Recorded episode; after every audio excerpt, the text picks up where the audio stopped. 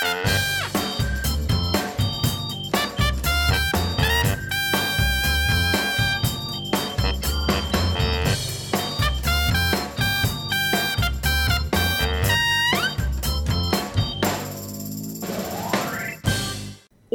op de Veluwe vanwege de zondagsrust. Een Duitse predikant onder vuur.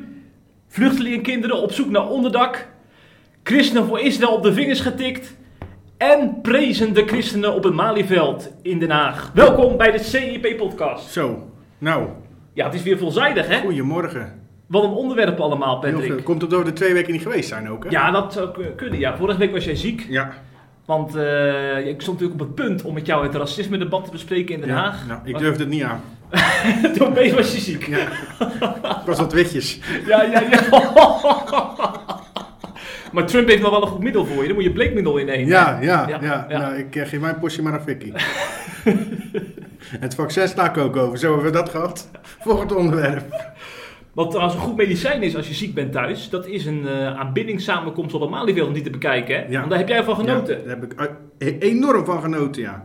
Dat was een eh, eh, vrijdagavond, was het geloof ik. Toen was ik overigens niet meer ziek hoor, toen was ik al een stuk beter. Ehm eh, werd daar een aanbiddingsavond georganiseerd. En, en een avond van gebed voor de overheid, voor de politie, voor alles wat er gebeurt in ons land en in de wereld.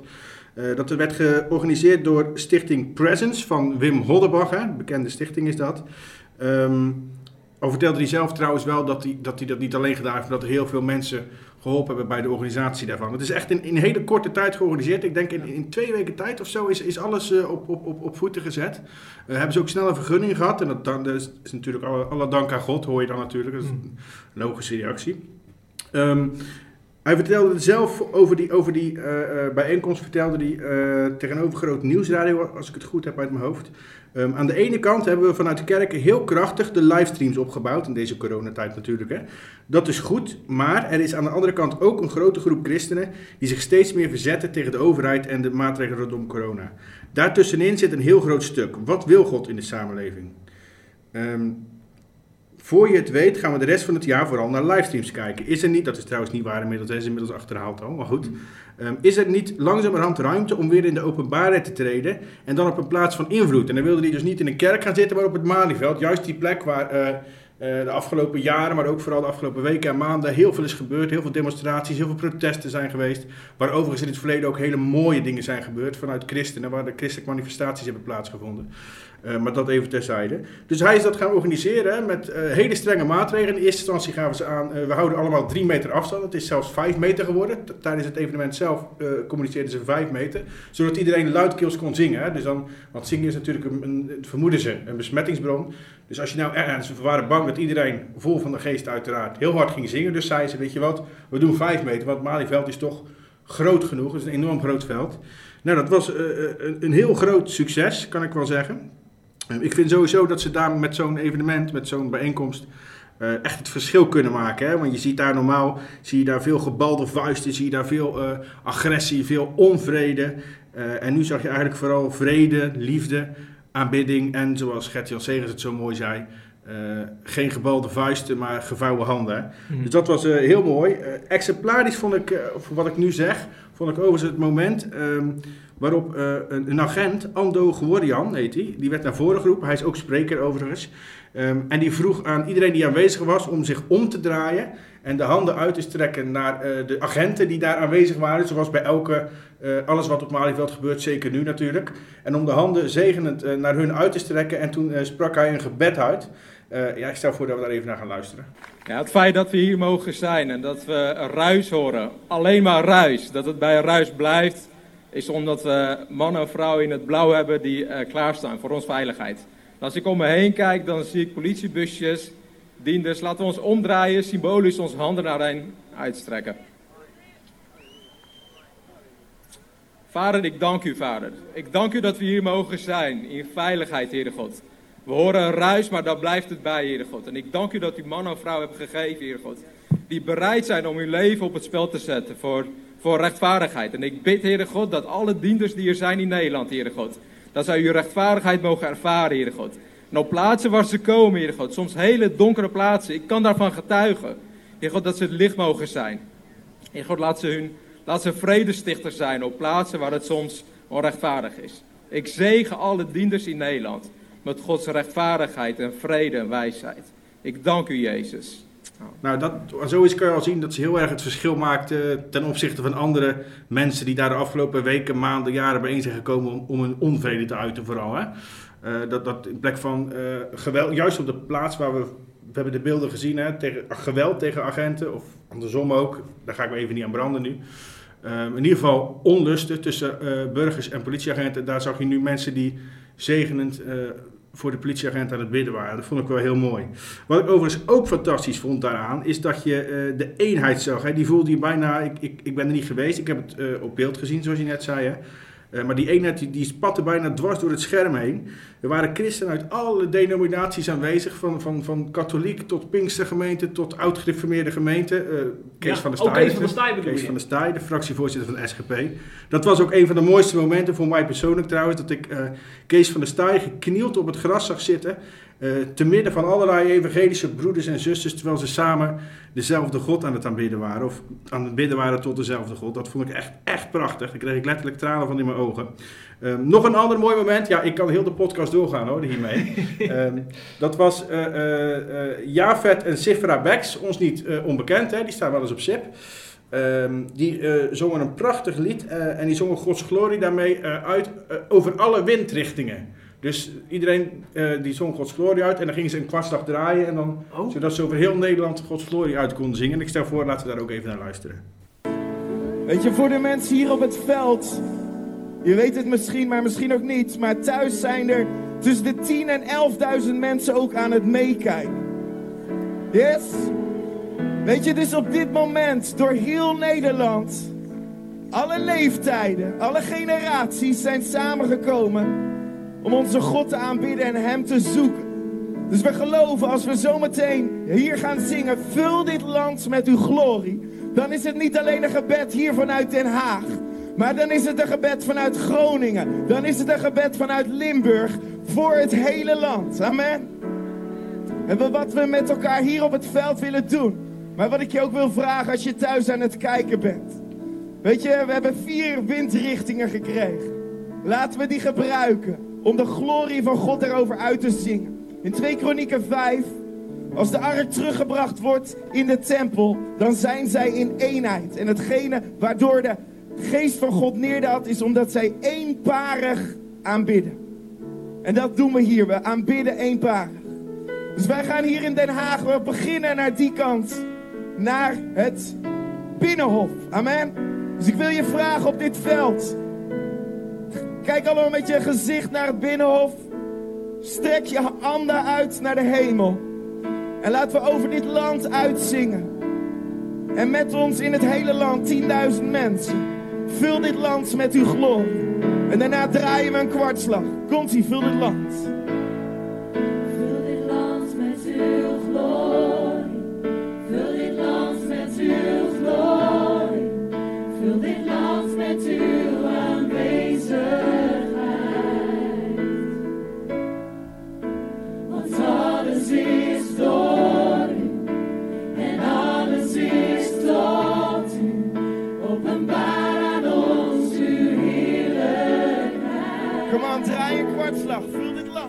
Dat was natuurlijk ook prachtig.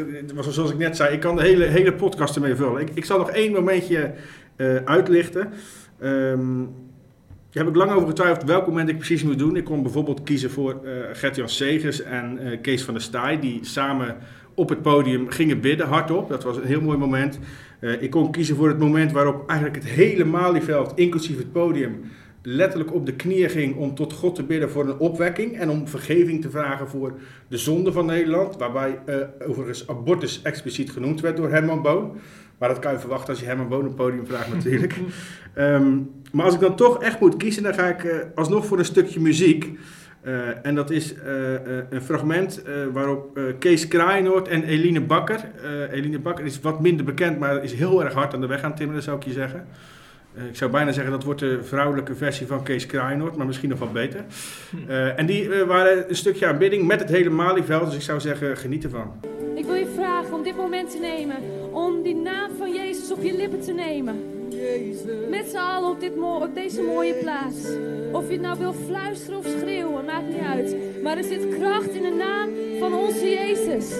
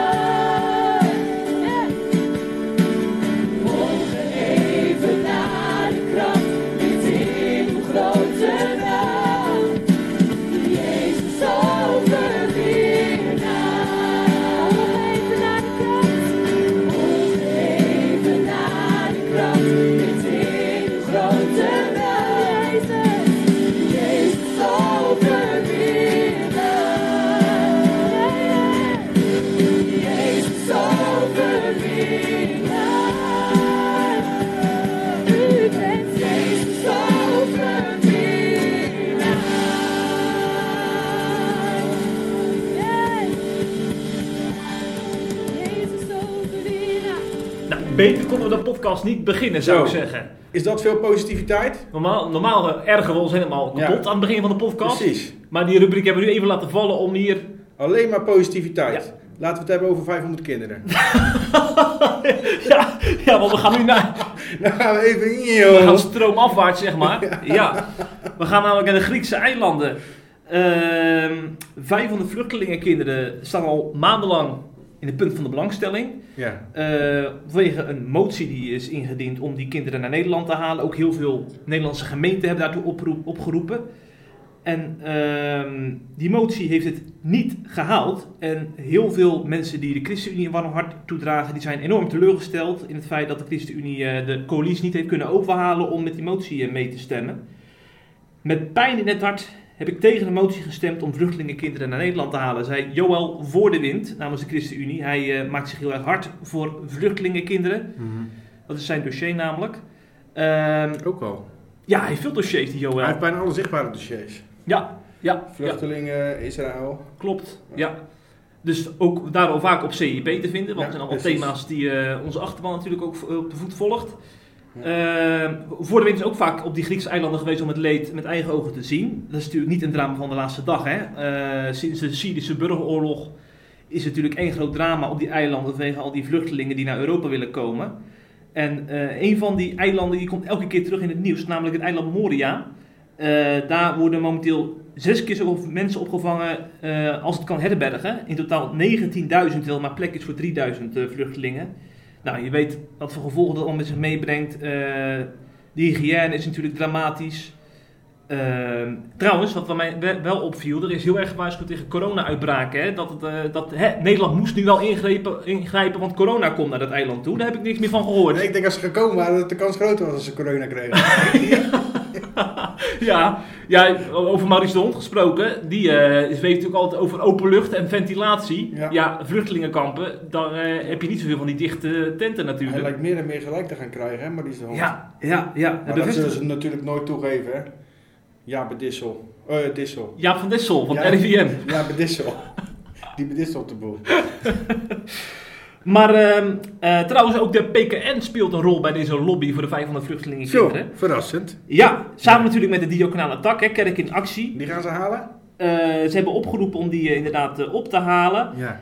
En nou ja, misschien wel leuk. Ik, ik was eigenlijk van plan om dominee Breugel later te laten horen. Eh, maar ik heb het ook even met hem besproken. Ik was onlangs was ik in boven Harningsveld. Daar is dominee Breugel uit de PKN predikant.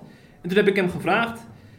Wat vindt nou eigenlijk zelf van het initiatief hè, van, van uw eigen kerk? En toen antwoordde hij het volgende. Eh, wie gaat kiezen? Hoe bedoel Ik vind de oproep op zich heel nobel en heel edel om mensen daar weg te halen. Maar als je meer dan 22.000 mensen in zo'n kamp hebt en je haalt er 500 weg, dan is de keuze natuurlijk heel lastig. Dus Ja. het is eigenlijk alles of niks. Eh, belangrijker is denk ik dat eh, in het kamp zelf de voorzieningen zoveel mogelijk op een hoge pijl worden gebracht en dat er een stukje hulp daar komt. Ehm, om ook alle mensen een gelegenheid te bieden om eh, deze epidemie het hoofd te bieden. Ja, dus uw, eh, uw oproep is ook vooral help zoveel mogelijk ook ter plekke, zodat je eh, alle mensen kunt helpen. Niet, niet, een, groepje, niet een select groepje daarvan. Niet een select groepje en ook geen kinderen die je weghaalt bij hun ouders bijvoorbeeld. Dat, Ja. dat lijkt me best heel lastig. Ik vind het de eh, profetische roeping van de kerk om, om te spreken waar eh, anderen zwijgen. Dus dat, eh, dat geldt voor deze misstanden. Dat geldt ook voor heel veel andere misstanden die, die we kunnen signaleren. Er zijn er te veel om op te noemen helaas, hè? Ja, of concreet worden is misschien ook wel weer een beetje gevaarlijk. Ja, ja want inderdaad, dan kom je dus, als je concreet wordt, dan heb je dus, zoals nu de PKN doet, 500 minderjarige vluchtelingen. Dan kies je inderdaad wat u net zei. Hm. En dat kan inderdaad gevaarlijk zijn. Dan eh, kun je een gezin uit elkaar halen en dan kun je ook, dan moet je ook nog eh, eh, keuzes maken tussen welke kinderen we wel of niet opvangen. Dat kan je, doen. Zo kan je het uitwerken. Ik bedoel ook van als je um, je, um, je stem verheft, als je de profeet gaat, gaat spelen, dat bedoel ik niet verkeerd, maar dan, dan krijg je ook de, het loon van een profeet. Dus mensen gaan erop reageren, gaan er wat van vinden. Hm. Als de kerk spreekt, als het gaat over klimaat, dan heb je applaus. Als het gaat over deze dingen, heb je misschien ook applaus. Oh ja. Als de kerk zich gaat uitspreken over relaties, over eh, identiteit, Hm. dan wordt het gevoelig. Ja. En dan zie je dat een brede mainstream kerk eh, als de PKN eh, niet meer spreekt. Nee, nee. Wat ik eh net bedoelde, wat impliciet is ook van, we zijn wat eenzijdig in, onze, Ah, dat bedoelt u. in, ons, in ons spreken. Ja, ja, ja, ja. Ik zeg niet dat de kerk het doet om, om, om het veilige terrein te blijven. Dat zou ik een verkeerde suggestie vinden. Hm. Maar het is wel moeilijker om juist op andere terreinen waar heel verschillend over gedacht wordt.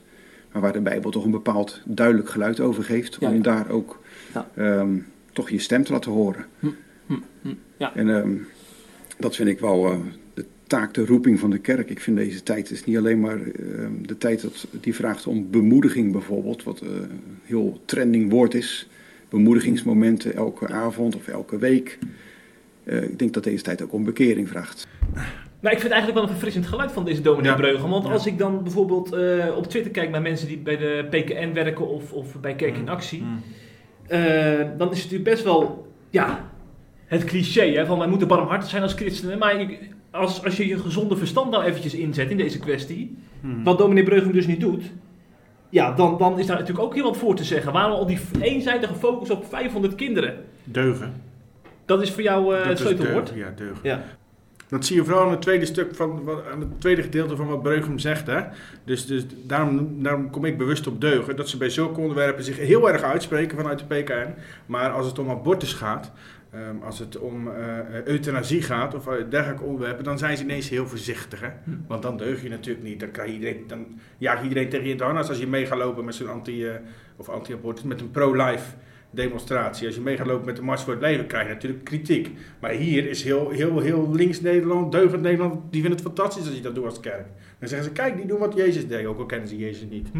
Maar daar komen we zo nog Daar op. komen we zo nog op. Ja. Ja. Maar wat me ook al opviel eh, aan de reacties, eh, ook op de sociale media toen deze motie niet werd aangenomen, Ja. is eh, het is zwart-wit hè. Of je moet echt eh, voor die vluchtelingen zijn, die moet je echt ophalen letterlijk. Ja. En als je daar niet voor bent, dan ben je. Ja, ja. En- Het is geen ja. middenweg. En wat CU natuurlijk ook duidelijk heeft gemaakt, en dat hoor je nu gewoon niet bij andere Mhm. reacties. Kijk, eh, het alternatief waar, waar al voor gekozen was, hè, is Ja. om die 500 kinderen op het Griekse vasteland op te gaan vangen. Ehm, eh, waar gewoon alle voorzieningen zijn. En daar heeft Nederland ook gewoon aan meebetaald. Hè? Hm. Aan die Hm. voorzieningen Hm. en aan die opvang. Die, die, alleen Griekenland doet het vooralsnog niet. Ja. Ehm, dus daar gaat nu politiek, daar komt nu natuurlijk diplomatieke druk op te staan. Hm. Eh, ik denk dat het uiteindelijk wel gebeurt. Gebeurt dat niet, zegt Johan Voordewind ook zelf, hè, dan gaan we het alsnog halen. Dat is natuurlijk een beetje stoere praat, want die kan niet ineens zeggen, we gaan het omdraaien. Mhm. Ehm, maar ik snap wel, ja, de ChristenUnie zit natuurlijk wel een beetje in de dubio, hè? Ja, ja, dat heeft Voor de Wind ook in zijn eh, uitleg duidelijk gemaakt. Eh, hij heeft er een pragmatische uitleg aan gegeven. ChristenUnie zit natuurlijk in een coalitie. eh, ook met partijen die ja, op, de, op de rechterflank natuurlijk van het politieke spectrum zich bevinden. En ja, vanuit dat pragmatische denken kun je niet altijd in die coalitie je zin krijgen. Vandaar dat hij ook zegt dat hij het erg jammer vindt. Maar inderdaad, wat je ook net zei, dat wil niet zeggen dat je niks kan doen als Nederland. Eh, want ze worden inderdaad opgevangen op eh, het vasteland in Griekenland. En Nederland speelt er ook een sleutelrol bij. Hè? Nederland gaat helpen bij het opzetten van een landelijk werkend voogdijsysteem. Nou, en op het vasteland eh, wordt er ook gewerkt aan onderwijs, zijn er medische voorzieningen, aan een versnelde asielprocedure. Dus al die mensen die nu de ChristenUnie willen framen als een partij die zich heeft laten meebewegen door eh, de rechterflank in, in politiek, die vergeten dat er ook heel veel wordt gedaan om die kinderen eh, te helpen. Juist, En dat gaat dus ook gebeuren. precies. Ehm, over sociale media gesproken. We hebben een aantal tweets uitgelicht, Patrick. Ja, je hebt, eh, ik, zag, ik zag dat je weer expres tweets hebt gekozen van bepaalde mensen waar je Ja. van tevoren van weet dat ik me eraan ga ergeren. Ja, ja, ja. Ja, ik dacht dacht dat komt in de podcast even mond tot uiting. daar was ik er bang voor. Rianne Meijer Ja, zegt het onze, volgende. onze Linda-redactrice. Ik geloof niet in Jezus, maar krijg van hen die dat wel doen toch niet het idee dat hij een type was dat 500 kinderen zou laten verrotten vanwege de fractiediscipline. Precies. Nou ja, eh, eh, er kwam, ik geloof niet in Jezus, daarna kwam een komma. Hè? Eh, ik zou zeggen, na die komma kan je eigenlijk alles door de wc spoelen. Want eh, ehm, ik geloof niet in Jezus, maar... Ja, zwijg dan. Je gelooft niet in Jezus, maar je gaat vervolgens wel iemand anders opleggen die in Jezus wel gelooft, wat het zou moeten betekenen om Jezus te volgen. Dat vind ik echt de grootste onzin. Eh, overigens, je kent Jezus niet, je wil hem niet kennen, je hebt amper een idee hoe hij is, dat weet ik omdat ik hem wat langer volg.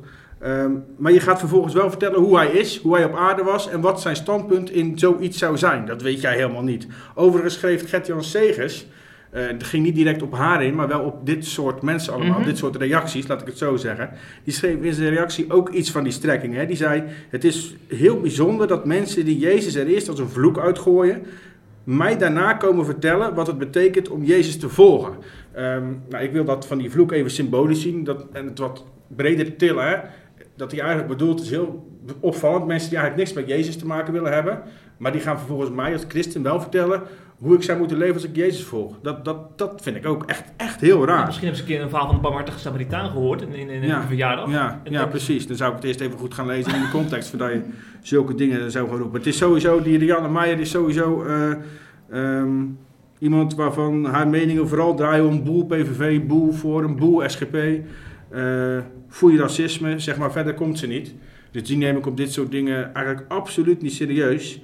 Ehm, maar ja, je komt met nog een tweet, dus dan ga ik er wat verder inhoudelijk op in. Ja, er is ook nog eh, een meneer Dimitri Tokmetsis. Ja, Eh, die zegt het volgende op Twitter. Eh, dan citeert hij dus Lucas 18, vers 16. Maar Jezus riep de kinderen bij zich. Puntje, puntje, puntje. En dan vult hij het zelf in. Maar nu even oprotten, zei Jezus. Want er komen verkiezingen aan. Ja, nou, ik zou even je Bijbel lezen opnieuw. Maar goed, stop sowieso met Jezus toepassen of gebruiken voor je politieke keuze. Want dat kan niet. Jezus leefde in een andere tijd, op een andere plaats, in andere omstandigheden, met een andere rol. En ga maar zo door. Hè. Jezus riep die kinderen op eh, eh, bij zich om zijn boodschap te vertellen. Om te laten zien eh, dat, dat hij hun Messias wilde zijn. Niet, ze zaten niet 1200 kilometer of 2000 kilometer verderop. Hè. Gebruik Jezus niet voor je politieke keuzes, zou ik zeggen. Overigens was Jezus ook heel erg was van politiek. Hè. Die hield zich eigenlijk verder van. Ik- vind eigenlijk allemaal heel makkelijk. Ik wil ook wel eens zien, dezezelfde mensen, die twee die je nu noemt, eh, wat ze bijvoorbeeld zouden zeggen als wij het over Jezus en het huwelijk gaan hebben. Wat Jezus over het huwelijk heeft gezegd. Of als we het gaan hebben over Jezus en geld, wat hij daarover heeft gezegd. Of als we het over gaan hebben over Jezus en ongeloof. Of nog beter, over Jezus en hypocrisie. Ik denk dat ze dan heel erg stil worden. Ik ook trouwens, want ik ben natuurlijk geen haar beter. Ehm, maar goed, als je nou even wat die Dimitri nu zegt. Hè. Kijk, Jezus die zei dat niet tegen 500 vluchtelingkinderen die 2000 kilometer verderop op een eiland zaten. eh, en die volgens afspraak eh, heel dicht bij dat eiland veel beter en effectiever kunnen worden opgevangen. Eh, en zoals ik net al zei, Voorwend heeft zelf al gezegd, gebeurt dat niet, dan gaan we wat anders doen. Dan gaan we wel bijvoorbeeld ze halen. Of zorgen dat ze gehaald kunnen worden. Maar dit om op deze manier Jezus te gebruiken voor je politieke punt... en dat dan anderen die Jezus zeggen te volgen, hè, eh, te gaan verwijten. Ik zou het nog eerder kunnen hebben van eh mede-christenen. Dus als, deze kritiek komt vanuit de partij, eh, achterban, vanuit de achterban van de partij, zeg maar... eh, dan kan ik het nog een beetje begrijpen. Maar deze mensen die gewoon eh, verder helemaal niks met Jezus te maken willen hebben... mensen die in Jezus geloven vaak ook nog uitlachen en belachelijk maken... want dat soort types zijn het. Je mag niemand belachelijk maken behalve christenen. Ik denk dat die gewoon even de mond moet houden over Jezus. Ja, ja, ja. Ik moet zeggen, ik schrok er wel van toen ik op Twitter zat te kijken. Want ik zag aan de lopende man is een tweets Ja, voorbij komen. ja, ik denk van, allemaal best wel hoogopgeleide mensen Ja. die de correspondent lezen. Ja, ja, dat zullen ze bij moslims nooit doen, hè? Ik weet het makkelijke teken, maar het is wel zo. Hm. Overigens, ehm, ik wil er nog wel even nog wel één ding over zeggen. Eh, kijk, regeren, ik, heb eerder, ik weet dat ik eerder ook iets anders heb gezegd, maar als jij in de regering gaat zitten, in een coalitie gaat zitten, dan heeft dat gewoon de consequentie van eh, compromissen sluiten. Kijk, CU eh, is bijvoorbeeld tegen abortus. CU eh, is, is wat migratie en wat vluchtelingenopvang betreft progressief links. Hè, die willen veel opvang. van- wat gebaseerd is op de Bijbel. Ze hebben andere Bijbelse standpunten. Maar als je in de regering gaat samenwerken met partijen als VVD, D66, eh, CDA, die hebben weer allemaal andere standpunten. Dus jij kan niet vanuit jouw christelijke standpunten ehm, alles en overal dat te doordringen, zeg maar. Zo werkt het gewoon niet in ons politieke stelsel. En dat moet je accepteren. Anders moet je, eh, daar heb ik wel eens over gehad dat ik dat doe, hè, je geloof en je politiek scheiden. Dus politieke keuzes maken, dat kan alsnog op basis van je geloof, maar niet een christelijke partij eh, per definitie kiezen, zeg maar. Want dezelfde principes als CU heeft op het gebied van bijvoorbeeld immigratie en eh, klimaat, vind je ook bij GroenLinks. En en, eh, ehm, over bijvoorbeeld Israël vind je dezelfde standpunten bij PVV. Snap je? Dus er zijn ook partijen, dan moet je niet per definitie voor een christelijke partij gaan. Zo werkt de politiek gewoon. Je kan niet al je christelijke standpunten doorheen dringen als je in de regering plaatsneemt. En dat moeten mensen accepteren. En helemaal mensen van buitenaf, joh, ga je lekker met je eigen GroenLinks bemoeien, Rianne Meijer. Of ga lekker eh, bij de Linda stukjes tikken over vreemdgaande vrouwen van V47. Ja. Die, die zich daar schuldig over voelen. Voor de mensen die de ergernis van de week gemist hebben, hier is hij alsnog. Ja, Misschien kan Rianne Meijer ook een abonnement nemen op het Nederlands Dagblad. Daar staan namelijk hele waardevolle journalistieke bijdrages in. Eh, waaronder een artikel over meneer V. Die gaan we namelijk even bespreken. We gaan nu een aantal korte nieuwsberichten doornemen. Want we leven in nieuwsrijke tijden, Patrick. En de, de, zeg maar, de goudmijnen, die lichten wij er eventjes uit. ja. Eh, in het Nederlands Dagblad stond een stuk van een meneer die dus meneer V wordt genoemd, want dat hij dader is, heeft namelijk twee jonge vrouwen misbruikt. En eh, het Nederlands Dagblad heeft er een achtergrondverhaal bij gemaakt. Een heel schokkend verhaal, laten we dat allereerst vaststellen, want die vrouwen werden op ja, nou? dramatische wijze werden ze erin geluisterd. Zo. V ging heel erg sluw te werk. Hè? Hij deed zich voor als eh, eh, een pastorale begeleider. Om eh, een voorbeeld uit te lichten, Marianne is natuurlijk dan een, eh, een schuilnaam, uitera- uit- uiteraard. Die eh, had hij opgespoord via revelweb.nl. Daar kun je natuurlijk eh, vragen indienen. Die vragen gaan vaak eh, over hele kwetsbare onderwerpen. En Marianne die heeft een, had een moeilijke thuissituatie, psy- psychische problemen. En deze V die heeft de mogelijkheid gevonden om contact met haar te zoeken via de mail. En uiteindelijk ook afgesproken in een soort stiltekamer. En dat staat in het Nederlands Dagblad het volgende. Ik lees het even voor. In de ontmoetingen die volgen zegt V haar te willen helpen zelfverzekerder te worden. Zijn methode oefenen met fysiek contact. Wat begint met oogcontact wordt een tongzoen en later orale seks. Voorafgaand aan elke sessie vertelt V per sms of mail wat er gaat gebeuren. Om vervolgens te laten zien dat hij niet verder gaat dan wat is aangekondigd. Zo wint hij haar vertrouwen. Als Marianne vraagt of hij wat hij voorstelt wel mag doen, stelt hij voor eerst te bidden. Als het zondig is, zou hij er toch nooit voor durven bidden?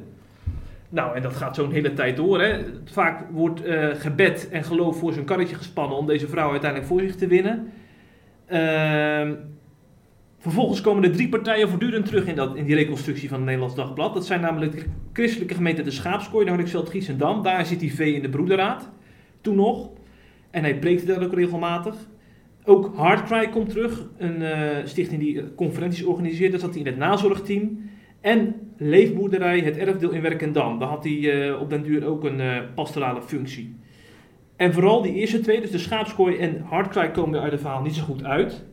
Eh, want namens de schaapskooi liet voorganger Arie van Heiningen vooral weten dat hij. eh, ehm, ja, toch, eigenlijk legde hij de bal voortdurend bij, bij anderen.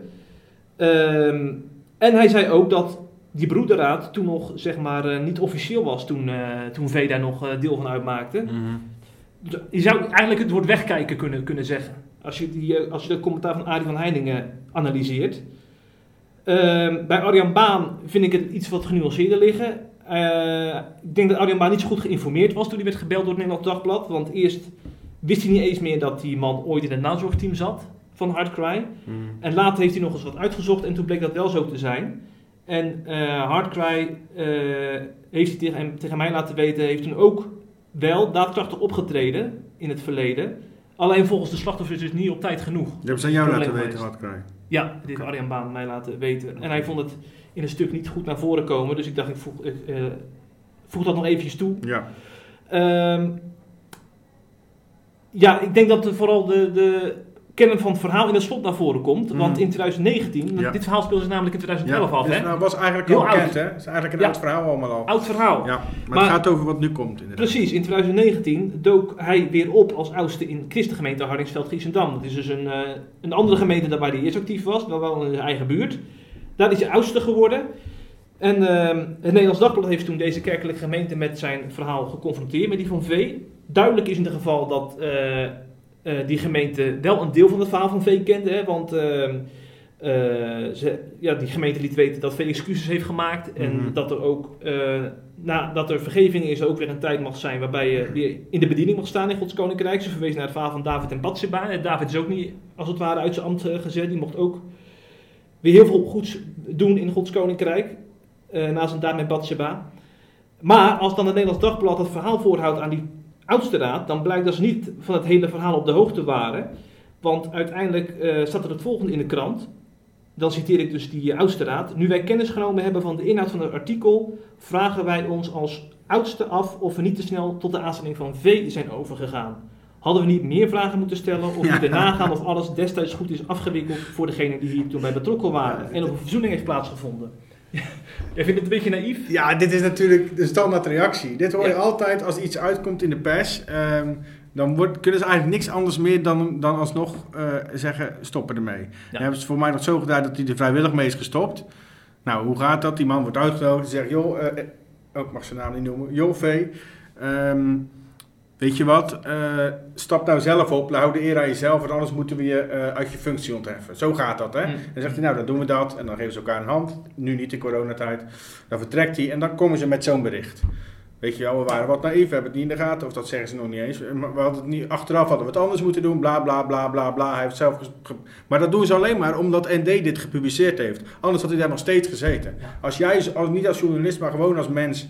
eh, en ze weten niet dat je journalist bent. Daar naartoe was gaan en dit had aangekaart... dan had hij waarschijnlijk genegeerd. Hm, hm, hm. Ja, Maar pas om, nu, omdat het nu gewoon, nu komt de eh, publieke druk erop, doordat ND met zo'n publicatie komt. Heel goed trouwens, overigens, heel goed dat het in elkaar zit het.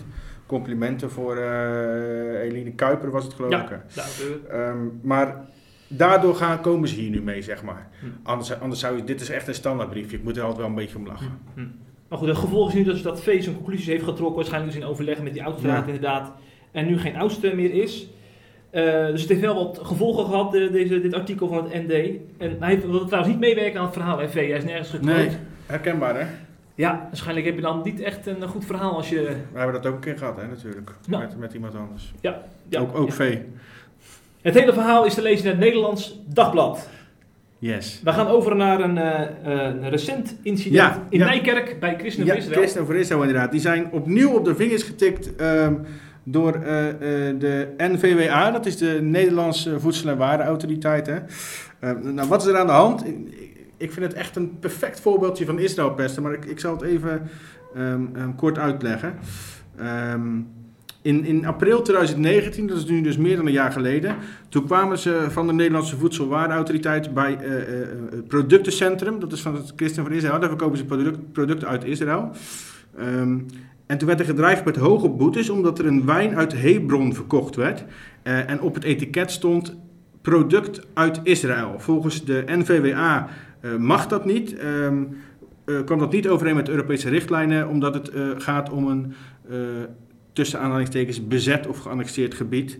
Ehm Christopher Israël was destijds behoorlijk boos hierover. Die stelde dat er een ongezonde en eenzijdige focus op Israël ligt, omdat, eh, dat zal ik even kort uitleggen ook, eh, er zijn meerdere bezette en geannexeerde gebieden over de hele wereld, waar ook producten vandaan komen, die worden niet geboycott. Niet in Europa, eh, daar wordt niet zo over gedaan, zeg maar. Niet in Europa, niet in Nederland, dat interesseert niemand. Maar alleen Israël is daarin weer de sigaar. Typisch Europa en Nederland trouwens. Goed, vervolgens ontstond er behoorlijk wat opschudding. SGP en CU hebben er zelfs Kamervragen over gesteld. Dat is allemaal nog vorig jaar, hè. Ehm, eh, en toen werd gezegd door minister Bruno Bruins in de beantwoording op die vragen... Toenmalig minister. eh, toenmalig minister, want die is natuurlijk tijdens de coronacrisis opgestapt. Ehm, die gaf antwoord op die vragen en die zei ehm, dat Nederland de Europese richtlijnen wil volgen. Dus dat er inderdaad op die etiketten niet eh, product uit Israël mag staan. Maar hij gaf, hij gaf ook toe in de reactie, en nu wordt het interessant, dat er binnen de Europese Unie geen draagvlak zou bestaan voor toepassing van, van dezelfde regels op andere bezette of geannexeerde gebieden. Dus dat is precies wat ik net zeg. Hè? Dus, eh, en daarmee lijkt Christen van Israël dus echt een punt te hebben dat ze zeggen, er is een eenzijdige focus op Israël. Vervolgens is er in oktober door het Hof van Justitie van de Europese Unie besloten, eh, vastgelegd dat alle producten uit eh, Israëlische nederzettingen op de westelijke Jordaanoever, in de Golanhoogte en Oost-Jeruzalem niet meer verkocht mogen worden met de tekst gemaakt in Israël. Ehm, CVI, Christopher Israël, heeft dus besloten, oké, dan gaan we de etiketten aanpassen. En die hebben op die wijn, waar het dus over gaat, uit Hebron, hebben ze nu staan, afkomstig uit een Israëlisch dorp in Judea en Samaria. Nou, ook dat bleek weer niet goed genoeg te zijn, want eh, er kwamen weer protesten, er kwamen weer eh, anti-Israël bewegingen, die gingen protesteren voor hun hoofdkantoor. En eind juni volgde er opnieuw een brief van het NVWA weer, eh, waarin een extra inspectie werd aangekondigd. Die was vorige week. En toen werd er inderdaad opnieuw een boete aangekondigd, omdat ook deze tekst schijnbaar niet voldoet aan de eh, eisen die ze hebben. Nou kijk, hier zit natuurlijk een enorme BDS-lobby achter. BDS dat is een, een, een organisatie die eigenlijk alleen maar bezig is met het boycotten van alles en iedereen die maar een link met Israël heeft. Het is een organisatie ook die in bepaalde landen, zoals Duitsland, verboden is, omdat ze antisemitisch zouden zijn.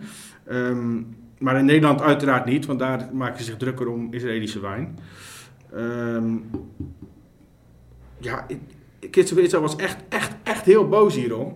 Eh, hoe het af gaat lopen weten we nog niet, hè, want ik zag dat de politiek zich er ook weer mee bemoeide. Eppo Bruins, onze columnist, die Tweede Kamerlid is namens ChristenUnie, eh, had gereageerd. Die noemde het ook, wat noemt ook Israël-pesterij of zo, hè? Die noemde pest- Pesterij. pesterij van Israël, ja.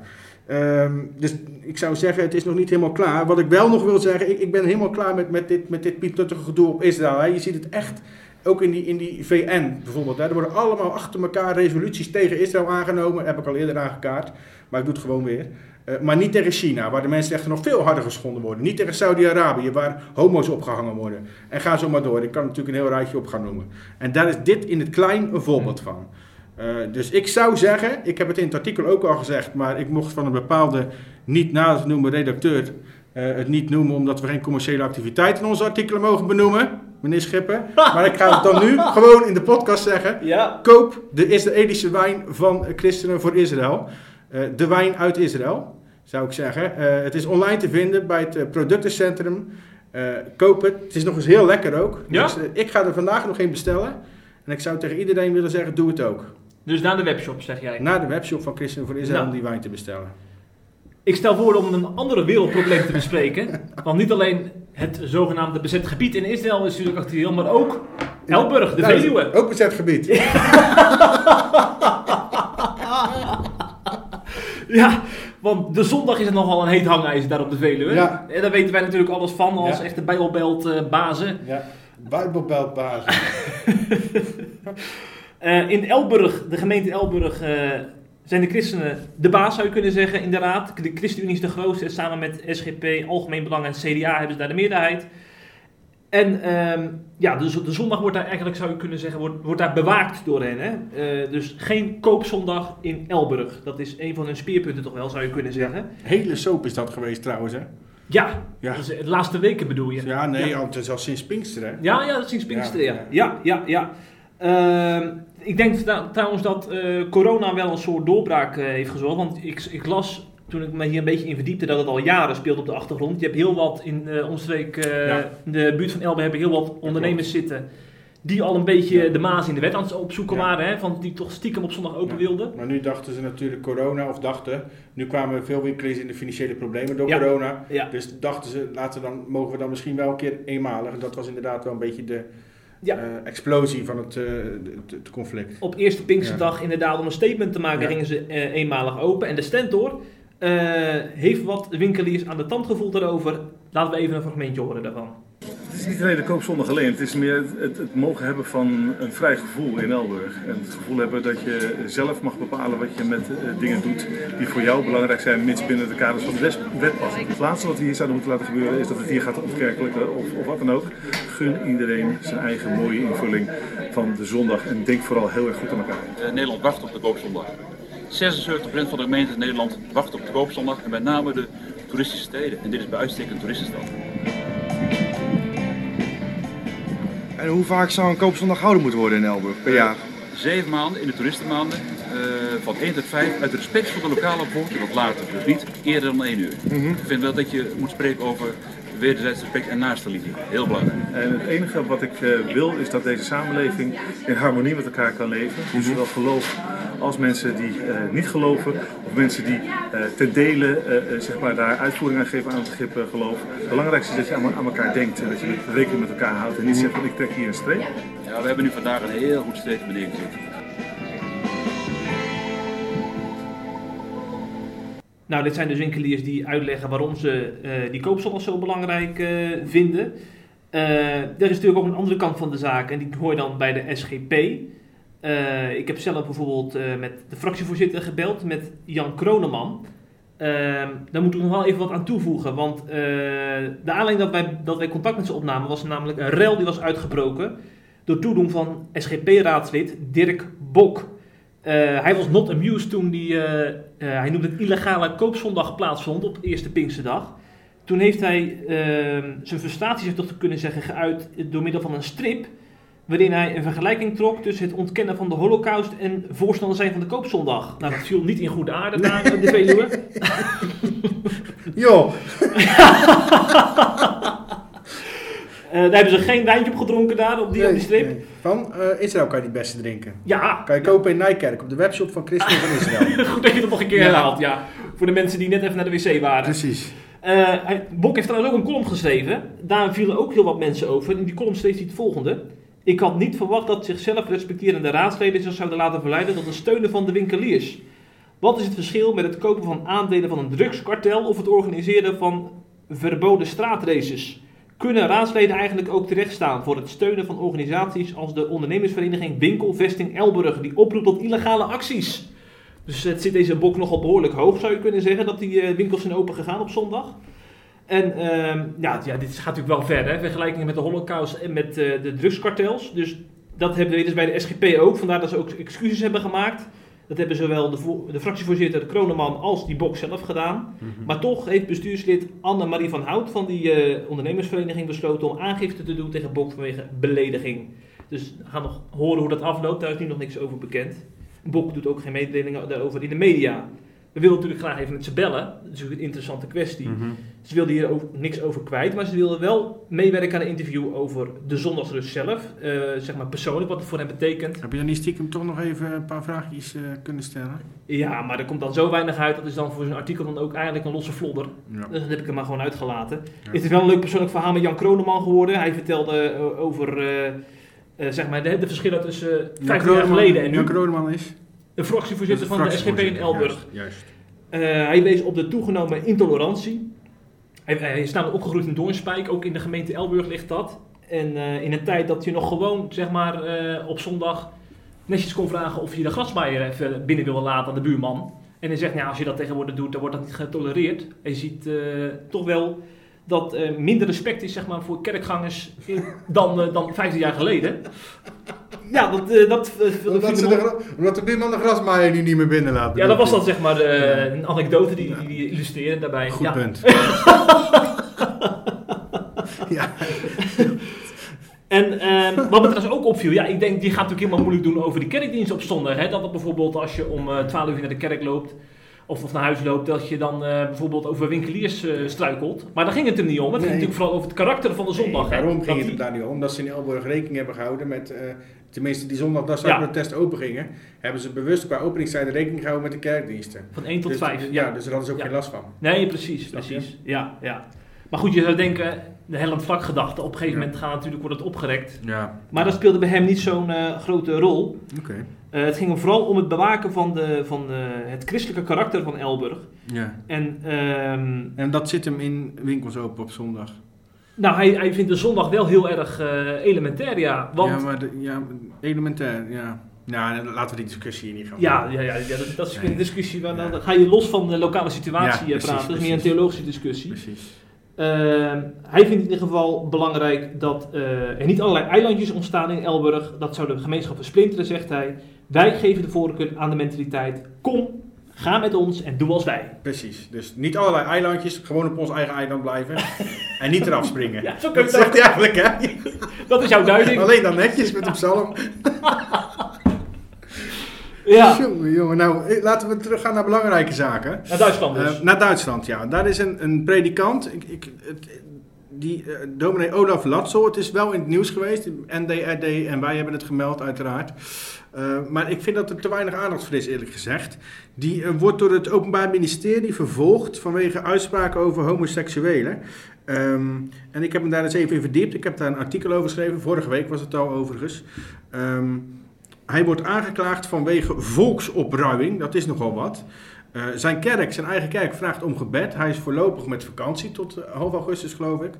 Ehm, en een collega-predikant, vooral dat is interessant, die heeft heel hard uitgehaald naar zowel het Openbaar Ministerie eh, als naar eh, de landelijke kerk, waar de kerk van Olaf Latzel toe behoort, die volgens hem eh, gewoon blij is met wat er nu gebeurt, omdat ze eigenlijk van die Latzel af willen.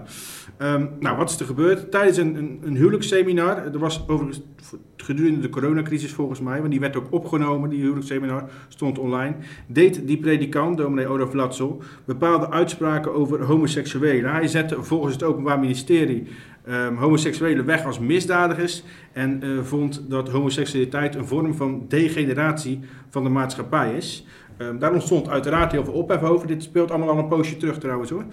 Ehm, hij bood publiekelijk zijn excuses aan, maar stelde in een verklaring dat hij wel degelijk het woord misdadigers had gebruikt, maar niet voor homoseksuelen in het algemeen.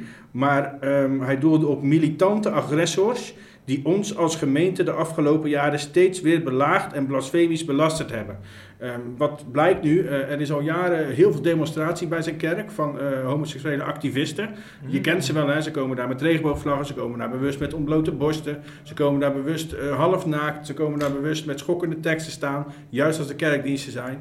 Ehm, daar heeft hij zich natuurlijk jaren aan geërgerd, heeft zich een keer laten gaan, niet heel dom trouwens, eh, en dergelijke uitspraken gedaan. Ehm, en nu wordt er gedaan alsof, dat, alsof hij dat over het algemeen over homoseksuelen zijn, maar dat zei hij natuurlijk niet, dat zei hij echt bewust over die mensen die daar altijd bij zijn kerk stonden. Ehm, want echt, ik, heb het nog even gecheckt. Bijna elke zondag staan er homo, eh, homoactivisten daar. Tijdens de laatste dienst, eh, vorige week zondag, dat hij voorging. Dat was vlak voordat hij met verlof ging. Ehm, stonden er opnieuw mensen ook met blote borsten. Bijvoorbeeld vrouwen die dan echt bewust daar gaan provoceren. Dus ja, ik snap als je dat maandenlang meemaakt dat je op het duur... Het is niet slim, maar dat je op het duur zoiets zegt. Ehm, nu is collega-predikant dominee David Wengenrot, eh, die is ook jurist. En hij schrijft voor eh, ID, dat is een Duitse nieuwsdienst, Duitse persdienst.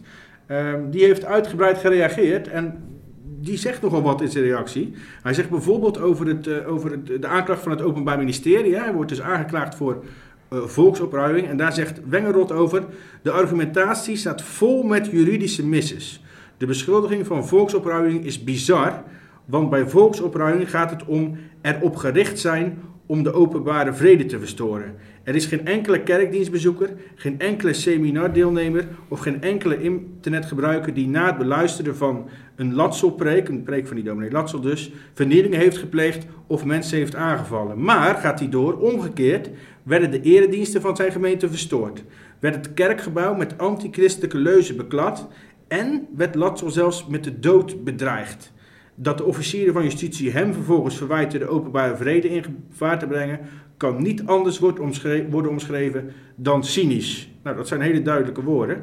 Ehm, hij gaat verder. In de persverklaring van het Openbaar Ministerie staat dat homoseksuelen generaliserend als, als misdadigers worden weggezet. Dat is absoluut niet waar. Ehm, uit de context is vrij duidelijk te halen dat hij het niet generaliseerd over homoseksuelen spreekt, wat ik net al zei, hè, maar over activisten die hem en zijn gemeente lastig vielden. En nou komt het meest opvallende wat mij betreft. Die predikant ehm, die ik dus nu quote, die do- dominee David Wengenrot, die haalt ook heel hard uit naar de Bremer Evangelische Kerk. Eh, dat is de kerk waar eh, de gemeente van eh dominee Olof Latzel onderdeel van is. Hè? Dat is de, de, de, het kerkverband, zeg maar. Ehm, volgens Wengerot laten zij Latzel namelijk als een baksteen vallen. En zou de aanklacht tegen Latzel de kerk zelfs heel erg goed uitkomen, omdat ze hem het liefst zo snel mogelijk kwijt willen. Zo. Ik kan me zo voorstellen dat, dat, dat hij gewoon eigenlijk te conservatief is hè, voor die kerk, die dominee Hm. Latzel. Dus die tegen homoseksualiteit bijvoorbeeld, dat komt zeven niet uit. Je zou het een beetje met de PKN kunnen vergelijken, al gaat de vergelijking niet helemaal op. Maar daar heb je natuurlijk ook die, die, die stromingen, over het algemeen is het vrij progressief, maar je hebt nog een behoorlijk conservatieve stroming, Gereformeerde Bond is dat hè. Ehm, waar dingen over, waar, die dus met de landelijke kerk best wel botsen over onderwerpen als homoseksualiteit, ehm, euthanasie ook nog, ehm, eh, transseksualiteit, dergelijke dingen. Daar botsen ze behoorlijk over. Daar zou je het een beetje mee kunnen vergelijken. Mm. En hij is één, die dominee Olaf Latzo is dan echt, echt een conservatieve predikant. En die wil ze dus liever kwijt dan rijk. Dus ja, nou, die Wengerot die zegt gewoon, ze zijn gewoon blij met die aanklacht. Hè? Dus dat is nogal wat. Hè? Overigens stelt Bengerot wel, dat wil ik, daar wil ik nog wel mee afsluiten, ehm, dat eh, het feit dat hij het nu voor Latso opneemt, dus dat hij zowel zegt OM is belachelijk en de kerk eh, ook aanvalt, dat betekent niet dat hij achter zijn woorden staat. Want hij zegt, ze waren overdreven, ze waren ongelukkig, ze waren onacceptabel, maar, en dat is dus het belangrijkste, niet strafbaar. Ja. Nu heeft de kerk van Latsel, ehm, zijn plaatselijke kerk dus, want die staan wel grotendeels achter hem, ehm, die heeft opgeroepen tot gebed voor hem. Ehm, dus dat wil ik graag, eh, zou ik graag willen doorgeven door, via de podcast. Ik zou zeggen, Christen in Nederland, bid ook voor deze predikant. En dit allemaal bij onze oosterburen, hè? Het is allemaal bij onze Ik vind het best wel bizar. Het is heel dichtbij, ja. En Ja. er is heel weinig aandacht in principe voor. Hm. Dus daarom wilde ik het nog even extra aankaarten. Ja. En oproepen tot gebed. Hm. Voor deze man gods. Doe me trouwens denken aan dominee Klaassen. Weet je nog, de, een van de initiatiefnemers van de Nestje-verklaring? Ja. Ik weet nog, de, de zondag nadat die verklaring naar buiten kwam, Mhm. dat hij zijn preek moest cancelen in Gorkum, omdat daar mogelijk eh, boze activisten ook naartoe zouden gaan. Is heel de dienst toen gecanceld? Of Nou, even uit voorzorg is hij, is hij thuisgebleven, heeft andere predikant die dienst overgenomen. En zonden ze er? Nee, er stond niemand uiteindelijk. Nee? Nee, nee, nee. Dus het was gewoon een beetje roeptoeteren via internet uiteindelijk. Wat Maar- zou jij nou doen? Als je bij de kerk aankomt en er staan er een paar? Ehm, ik zou in ieder geval vriendelijk begroeten en eh, uitnodigen voor een gesprek na de dienst. Maar wel vra- vra- vragen of ze tijdens de dienst rustig willen zijn voor de kerkgangers. Om ook zo de vrede en de samenleving te dienen. Oh, daar komt weer zo'n enorm politiek correct antwoord. Hè. ik word er zo moe van ook. ja, ja. Daarom vullen we elkaar zo goed aan. Ja, de politiek ja. correcte en de, en de dwarsligger. Ik zou, eh, ik zou de kant van de type- temporeiniging opgaan. Temporeiniging. Ja, je weet toch wel, Jezus en de Ja, temporeiniging. ja, ja. Dat hij heel het plein schoonveegde. Dat zou, Ja. dat zou jij nu voorstellen. Ja, nou, ik ga het verder niet in detail uitwerken, maar die kant zou ik opdenken. Nou, ik hoop dat we nog een podcast hebben volgende Ja. week. Mocht dit niet Ja, ik zijn. sta heel, dadelijk staat hij helemaal vol met protestanten. Maar Ja. dat is nog altijd beter dan katholieken. nou, ik ga weer verder werken, Jeff. Patrick, de groeten. groeten. Hoi, hoi.